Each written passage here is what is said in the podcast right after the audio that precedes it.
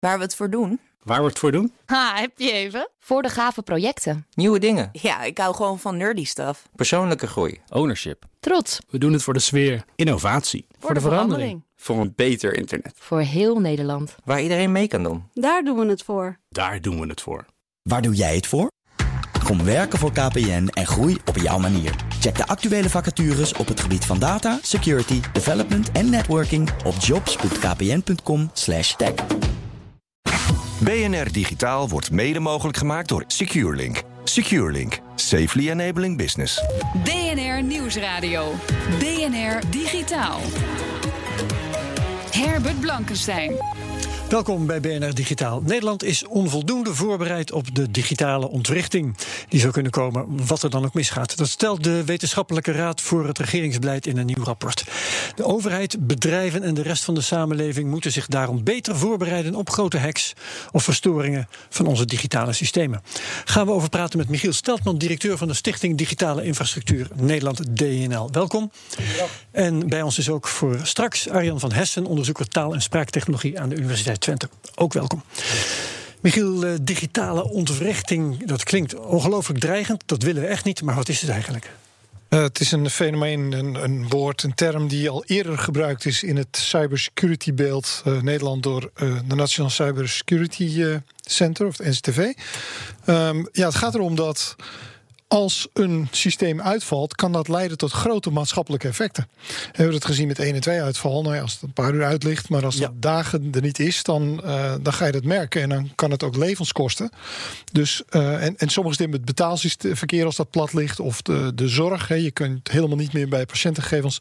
Ja, dan heeft dat hele grote. Of ja. de sluizen uh, worden gesaboteerd, heeft dat grote gevolgen voor de maatschappij. Dan merken we dat allemaal. En dan spreekt de WRR over ontwrichting. Ja, kan zomaar levens kosten. Hè? Dat is een van de ultieme gevolgen.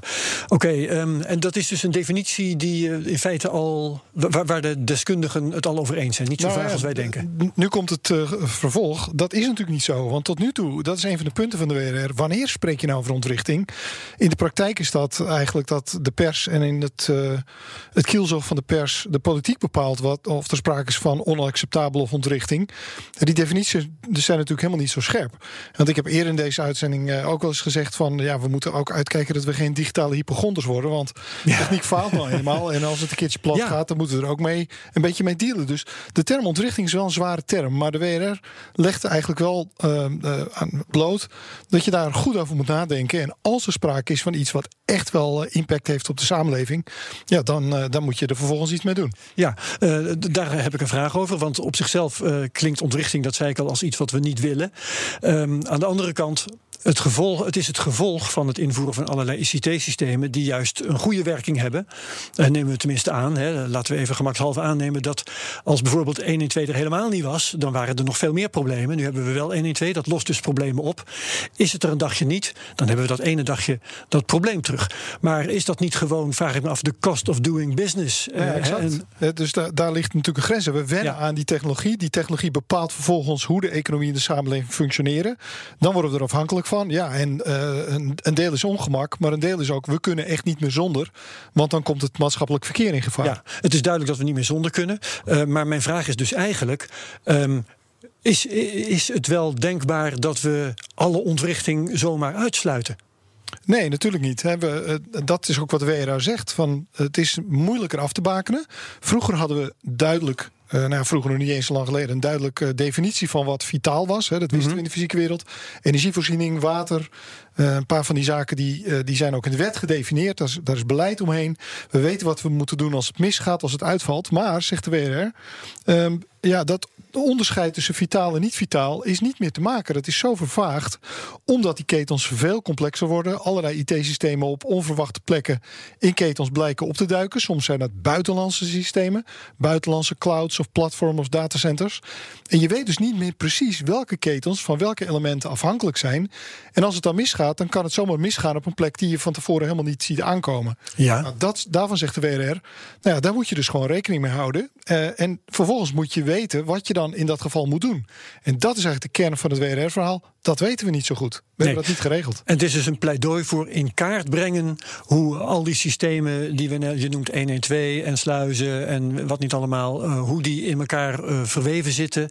Op zo'n manier dat je kunt bepalen hoe je ontwrichting zoveel mogelijk toch nog kunt voorkomen. Nou ja, ik heb dat rapport eh, van voor naar achter gelezen, maar dat is niet zo scherp te definiëren. hè. Ze zeggen wel van ja, je, je moet dan beter weten hoe die ketens werken, maar tegelijkertijd zeggen ze dat is niet te doen, omdat het zo complex is en die ketens zo verweven zijn. Eh, je moet er rekening mee houden dat je het gewoon niet weet en dat het ergens oppopt waar je, waar je het niet kunt, kunt verwachten. Dus eh, die hele definitie van scherpe afbakening van vitaal, ik ja, zit ook wel een beetje in die, in die lijn.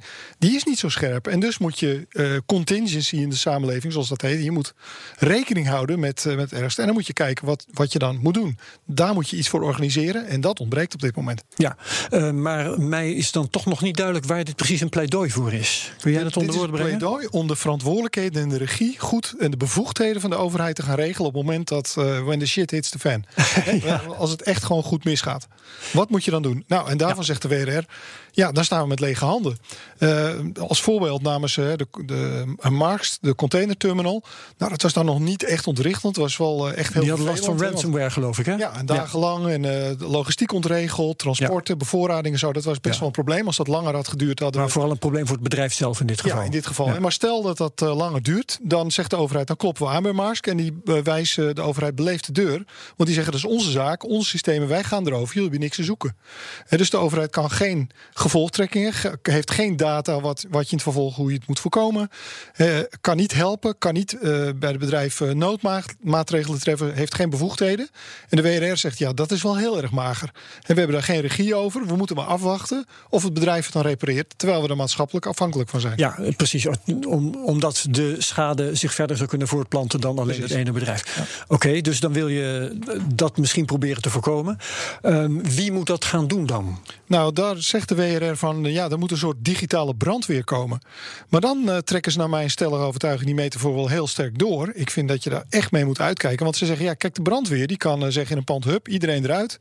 Ik heb een bijl, ik ga naar binnen en ik trek alle kastjes en deuren open en zo. ja, dat, gaat natuurlijk niet in de digitale wereld. Je kunt niet operators achter hun toetsenbord vandaan trekken en zeggen, joh, opzij, ik ga het zelf wel doen. Dat gaat niet. Dus dat betekent zo'n brandweermetafoor is ten dele waar, maar daar moet je erg voorzichtig mee zijn. Hè. De, de rol van het bedrijfsleven en de samenwerking en de voorbe- gezamenlijke voorbereiding moet naar mijn stellige overtuiging daarin centraal staan. Ja, maar eh, dan wordt er alweer gepleit voor een, sorry, voor, een, eh, voor een extra organisatie die dan weer in zo'n geval moet ingrijpen. Maar we hebben al, een, je noemde hem zelf al, National, Nationaal Cybersecurity Centrum. We hebben een Digital Trust Center.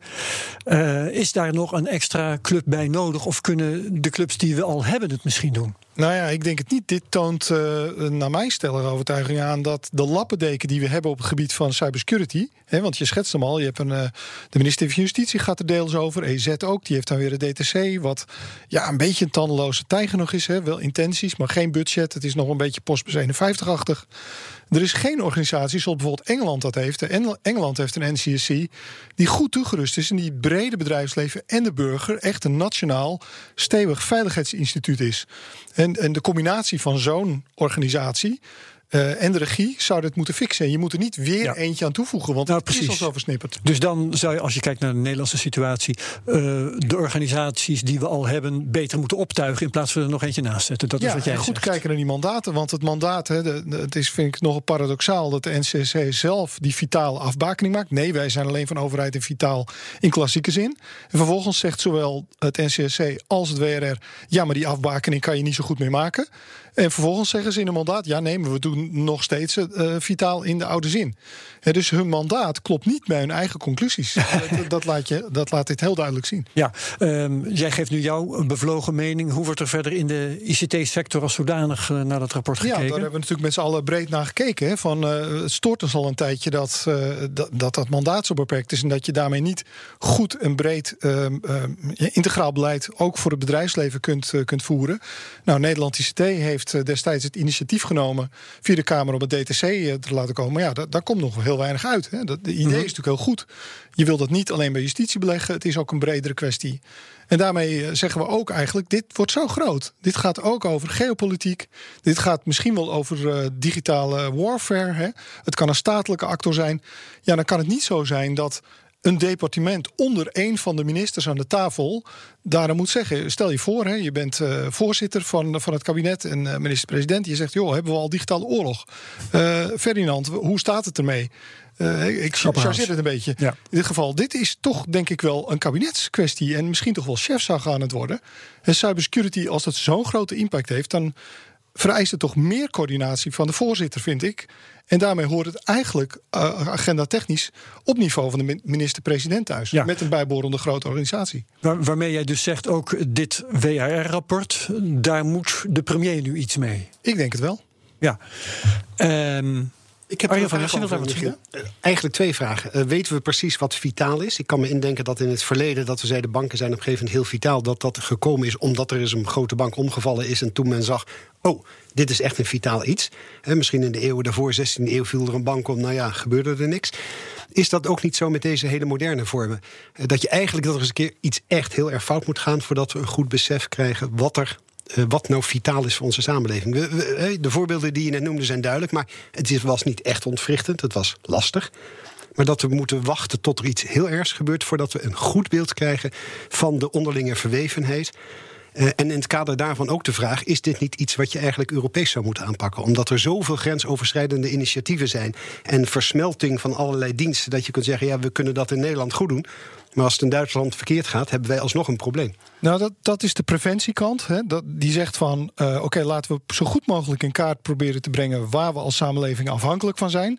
En dan de onderdelen, ook als ze niet in Nederland zitten... in Europees verband, zo maken dat het niet zo snel mis kan gaan. Hè, dat is de preventiekant. Maar de WRR zegt nou... Uh, die zegt nu: preventie is niet meer genoeg.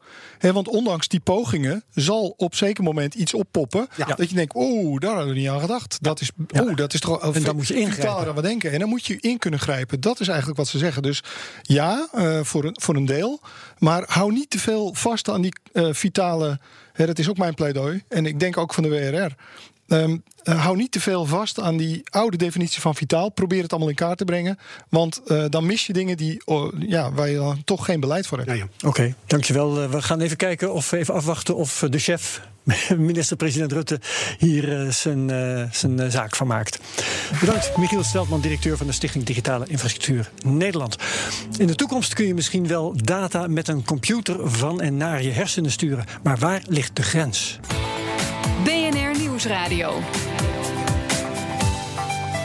BNR Digitaal. Welkom terug bij BNR Digitaal. Elon Musk's Neuralink wil met minuscule draadjes in onze hersenen turen. En Facebook steunt onderzoek naar de ontwikkeling van een headset waarmee je met je gedachten tekst kunt schrijven. Dat is leuk, futuristisch, interessant, nuttig misschien ook wel, maar waarschuwen Britse onderzoekers: het wordt tijd dat we gaan onderzoeken waar de ethische grenzen liggen. Praten we over met Arjan van Hessen, onderzoeker taal- en spraaktechnologie aan de Universiteit Twente. Je was er al. En eh, ook nog hier is Michiel Steltman, directeur van de Stichting Digitale Infrastructuur Nederland. Arjan, ehm, die onderzoekers roepen op om goed stil te staan bij uh, nou, de risico's van weer iets anders. Ja. Namelijk uh, die uh, manieren om je hersenen af te tappen en soms ook te voeden. Is dat terecht? Ja, ik denk dat het heel terecht is. Niemand weet, uh, dat wordt ook wel overal erkend, niemand weet wat straks echt mogelijk is. Maar we zien uit allerlei experimenten dat je heel stapje voor stapje, het gaat nu heel klein, je kunt mensen aan cijfers laten denken. En die kun je dan herkennen. En dan zegt de computer 0 tot en met 9, lees dat voor, want daar denk je aan. ABC tot en met XYZ. Exact. Dat is nog heel beperkt in woordenschat. Wij, wij Nederlanders hebben 1,3 miljoen woorden. Die kunnen we nog lang niet allemaal netjes uh, herkennen. Maar het begin is er. En we weten ja. uit dit soort ervaringen dat als het begin er één keer is en het is stabiel en het blijkt te werken, dan gaat het sneller en sneller. Ja. Exponentiële groei. En voordat je het weet, ben je er. Goed, voorlopig is dat nog geen. Uh, geen angstscenario, zeg maar, dat we dat zo makkelijk kunnen. Maar er wordt hard aan gewerkt en we zien datgene wat we denken, dat kunnen we meten. We meten activiteiten in de hersenen en met de vorm van neurale technologie gaan we steeds beter kunnen meten waar iemand over denkt. Ja, ik, eh, als ik eh, in de reden vallen, uh, in de voorbereiding voor, voor dit gesprek waren we op de redactie aan het filosoferen en ik zat opeens te denken aan sollicitaties. Iemand vraagt waarom wil je bij ons werken? En ik denk, nou ja, ik heb een baan nodig en ik ja. heb geld nodig en kan mij wat schelen bij welk bedrijf. Ik zeg natuurlijk iets anders. Precies. Kunnen ze zie jij een soort leugendetector voor je? Ja, Om maar ik, ik denk zelfs dat het veel verder gaat. Ja? Ehm, want het, het zou mij niks verbazen dat de hele basale emoties die wij mensen allemaal hebben, die je ook dikwijls ziet, die kun je herkennen in lichaamstaal. Hè, jij zegt iets heel Ja. vriendelijks eh, tegen mij, maar ik zie aan jouw hele lichaam dat je mij een ontzettende eikel vindt. Daar heb je dan ook geen computer voor nodig. Daar heb ik nog geen computer voor nodig. Maar dat is heel grof. En goed, mensen kunnen dat over het algemeen goed beheersen, zorgen dat de ander daar geen last van heeft. Ja. Dat heet een vorm van beschaving. Op het moment dat ik werkelijk in jouw hersenen kan kijken, ook al is het heel rudimentair en ik kan een aantal basale emoties aflezen uit hersengolven. En ik hou een verhaal en je knikt heel erg vriendelijk, maar ik zie op mijn scherm wordt helemaal rood. Dit is helemaal Ja, niks. Totdat het, eh, eh, want het wordt een wapenwedloop, totdat ik dat ook leer, leer beheersen. Als dat, dat niet kan, kunnen? maar dat is, daar wordt niet over gesproken. Als dat Ja. kan, is het, dan kun je dat afschermen. Ja. Maar dan, dat is wat anders. Maar het zou me niks verbazen als die, eh, dat ontwikkelingen zijn die eerst zullen gebeuren. De beetje basale stemmingen, emoties. En daar hoort natuurlijk leugendetector, is er ook een vorm van. En dan zal het verder gaan naar andere zaken. En het is de vraag of we daar echt op zitten te wachten. Het heeft heel veel voordelen, daar wordt ook altijd mee geschermd. Mensen die eh, gehandicapt zijn, mensen met afasie, eh, mensen die moeite hebben om zich uit te drukken. Stel nou dat je rechtstreeks in hun hersenen kunt kijken. Ja. Super zou het Wees zijn. daar maar eens tegen. Daar is niemand tegen. En dat zie je ook in dat rapport van de Britse eh, onderzoeks, het onderzoeksrapport. Ze hebben de bevolking gevraagd en die zegt ja, voor het herstellen van problemen, fouten, medische missers, dingen die fout gaan in ons leven, supergoed. Maar het mag niet gebruikt worden om een betere mens te maken. Maar dat is zo'n grijs gebied. Je gaat van, vanzelf van het een naar het ander. Ja. Je IQ verhogen, is dat nou een medische misser omdat ik een IQ Ja. van 80 heb? Of ja, En de mens die zich niet kan uiten, eh, veranderen in de mens die zich wel kan uiten. Dat is ook het maken van een betere mens. Absoluut. En daar kun je niet tegen zijn. Nee, nee. Dus dat is, dat is met al dat soort technieken. Tuurlijk, de grenzen worden nu. En de uitersten zijn natuurlijk ook wel duidelijk te definiëren. Maar daar zit een enorm veld Ja. tussen waarin je. Je kunt ook zeggen, ehm, de grens ligt, ik noem maar eens eventjes iets, bij commerciële toepassingen. Je wilt niet dat Facebook zich meester maakt over wat er uit zo'n helm komt. En waarom zou dat niet kunnen? Hè? Nee. Ze hoeven maar een fabrikant op te kopen en ze hebben die technologie. Ja. Ze verzinnen wel een manier om ons allemaal zo'n helm te laten opzetten. Want dan kan ik fijn met jou woordenloos communiceren. En dan hebben we het gezellig samen. Precies. Maar en daarna, intussen. En daarna bied je het de mensen aan. En je zegt: nee, u hoeft het helemaal niet. U kunt Facebook gebruiken, ook op de ouderwetse manier. Maar als u ons helm aanschaft, Ja. dan kunt u rechtstreeks eh, begrijpen hoe de stemming. En dan vraag ik aan jou, is dat iets wat we moeten tegenhouden? Nee, ik ben daar. Maar dat is natuurlijk een rol als onderzoeker. Het is super fascinerend om dat uit te zoeken. Het is hartstikke gaaf om te kijken. Wat kunnen we, wat kunnen we meten? Waar zitten de fouten? Hoe zitten die gedachten over verschillende culturen? Denkt een Chinees die mij aardig vindt op dezelfde manier als jij, als je mij aardig zou vinden? Ja. En dat, dat is onwijs interessant. Heb je om de hersenen van een Chinees te begrijpen andere software nodig dan om de hersenen Nou, van, dat een, zou, het zou kunnen. Van jou of mij te Dat, begrijpen? dat zou best kunnen. En net zo goed als we weten over de, de wat. mm, De, kijk, de echte emoties, angst, woede, die zijn universeel voor alle mensen. Maar ironie, wat je grappig vindt. Iedereen kent de verhalen. Een Ja. varken wordt doodgereden in. China. De hele bevolking staat te lachen. En je denkt, wat hier is hier te lachen? Maar dat is een andere vorm van uiten van emotie. En Ja. ze vinden dat helemaal niet grappig, maar dat is gewoon anders. Michiel Steltman van de Stichting Digitale Infrastructuur Nederland. Nou, Wat vind jij hiervan? Ik heb in de vorige eeuw, ik ben ooit mijn carrière begonnen als eh na studie elektrotechniek. Dus ik ben wel eh, gefascineerd. Ik neem aan dat het zo is, dat het net een beetje als NFC. Je moet echt wel een helm opzetten om uit die signalen natuurlijk uit de ruis, die kleine dingen. eh, het is niet dat we straks op afstand of dat ik op een meter afstand uw gedachten uit kan lezen. Eh, of, eh, Dat is wel de claim. Nee, nee, dat is wel de claim. Nu is het, wel? heb je gelijk. Ja, nee, nu heb je dan gelijk. Kijk, Elon Musk wil op een gegeven moment draadjes je hoofd inboren. Hele kleine draadjes. en Elektroden dan- implanteren. Ja, implanteren Ja, in je hoofd. En dan boort hij gaatjes en dan schuift hij ze in. Wij doen het in Twente al met badmutsen met al die draadjes erop. Mhm. Dus dan is het echt bijna fysiek contact. Maar goed, dat is een kwestie van tijd. Je gaat dat meten. En wat je Op de daar ook markt ziet- zijn ook al redelijk comfortabele helmachtige maar het is nog steeds te wel een helm. Ja. De vraag is, en dat, daar heb je natuurlijk gelijk in, kan dat straks van afstand? Waarschijnlijk wel, want wat ze nu ook zien is dat die hersengolven enorm veel ruis hebben. Maar dat het ze lukt met de neurale netten om die ruis er op een gegeven moment onschadelijk te maken. En toch de informatie eruit te halen, ondanks het hoge ruisniveau. En dat kunnen ze, dat zie je ook bij het zoeken naar olie. Was vroeger ook hetzelfde. Had je echt duidelijke signaal nodig, een bom in de grond, et cetera. Tegenwoordig luisteren ze naar de aarde. En dat zijn diezelfde technieken. Er gebeurt helemaal niks, maar ze luisteren naar wat de aarde trilt. En daaruit kunnen ze de ondergrond eh, bepalen. Dus dan zie je ook wel dat die, die ruistechnieken steeds beter worden. Dat zal waarschijnlijk ook met jouw hoofd kunnen. En dan misschien in eerste instantie als je door een scanner loopt. Straks van een meter afstand. En wie weet straks van, nou ja, eh 10 meter afstand. Ja, Maar- zolang ik dat, dat ding af kan zetten, dan is het eh, mijn keuze om het voor goed, maar niet voor slecht Exact, aan. dan ben je in controle. Ja. En maar als je het niet bent, dan. Maar er zijn ook situaties, denk aan een sollicitatie of een verhoor bijvoorbeeld, dat mensen je kunnen verplichten om zo'n ding op te Ja. zetten. Ja. Hè, of je je onder druk kunnen zetten om er een vrijwillig op te zetten. Dat. Maar Arjan, eh, ik vroeg net, eh, moeten we commerciële toepassingen dan tegenhouden? Zeg jij nee. Eh, waar trekt de ethiek dan wel de grens? Nou, nee, ik heb gezegd dat, dat je het niet moet tegenhouden. Dat wil niet zeggen dat ik gelijk een voorstander ben om het ook commercieel te gaan toepassen. Maar ik vrees dat dat onvermijdelijk is. Dat de grote bedrijven die het geld en de kennis hebben, er zijn voor een groot deel eh, de Googles Ja. en Amazons en, en, en Microsoft en op een van deze dag wereld. dan kijken we om ons heen en dan merken we dat we het allemaal al lang doen. Zoals nu met de mobiel. Een mobiele telefoon. Elk bedrijf zo'n beetje zit in onze mobiele telefoon ons in de gaten te houden. Dus straks is dat daarmee ook het geval. Ja, dat is waar. Maar er zit een, in mijn ogen een cruciaal verschil. Een mobiele telefoon kan ik uitzetten. Dus waar we het net ook over hadden. Je bent in controle. Ik hoef niet te twitteren. Ik hoef geen Facebook te hebben. Ik kan als ik dat wil. En ik kan ook. Ik ben eh, regisseur van mijn eigen uitingen. Ja. Ik kan zeggen, dit ga ik twitteren en dit ga ik niet doen. Met gedachten is dat een stuk lastiger. Precies, want eh, wie zegt mij dat ze niet eh, aan de ene kant dingen uit mijn hoofd kunnen halen, maar misschien ook de andere kant op er iets in kunnen stoppen? Ja, daar wordt over gesproken. Ik, dat is nog best wel lastig, omdat ik niet precies weet dat als ik ergens aan Nee, maar denk... goed, en als die interface er eenmaal is, hè, dat stekkertje. Ja, maar je weet niet, ik zie iets, dat vind ik leuk. Dat wordt gemeten en dat pompen we bij jou het hoofd in. Dan weten we natuurlijk niet precies of dat ook diezelfde ervaring in jouw hoofd oproept. Dus dat is nog wel, dan moet je echt, dan moet het eerst kunnen om te kijken of dat ook werkt.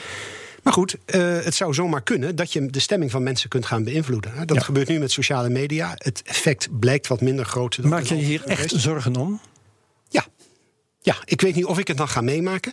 Maar ik maak me wel zorgen over het feit dat ze op afstand, zonder medeweten van mensen, steeds meer van je kunnen lezen, zeg maar, waar je eigenlijk geen controle over hebt. Dat is al voor een deel zo, met alle social media. Maar als dit echt gaat lukken, ook al is het heel rudimentair, heel bazaal. Dan zou ik toch gaan nadenken over een soort kooi van Faraday over mijn hoofd. Die ervoor zorgt dat die. Een aluhoedje. ja, dat dat niet naar buiten gaat. Oké, we moeten het hierbij laten. Jammer, maar we gaan er een andere keer vast nog wel op door. Dankjewel Arjan van Hessen, onderzoeker taal- en spraaktechnologie aan de Universiteit Twente. Ook bedankt Michiel Steltman. Dat was BNR Digitaal. Terugluisteren van BNR Digitaal kan via bnr.nl, via onze app en iTunes, Spotify welke app jij ook maar voor je podcast gebruikt. En daar vind je ook mijn andere podcast, waaronder bijvoorbeeld Space Cowboys. Wat BNR Digitaal betreft, graag tot volgende week. Dag. Ook Diana Matroos vind je in de BNR-app. Ja, inderdaad. Je kunt live naar mij luisteren tijdens de Big Five. Ook handig in de BNR-app. Breaking nieuwsmeldingen, maar ook het allerlaatste zakelijke nieuws. En je vindt in de app alle BNR-podcasts, waaronder Wetenschap Vandaag. Download nu de gratis BNR-app en blijf scherp.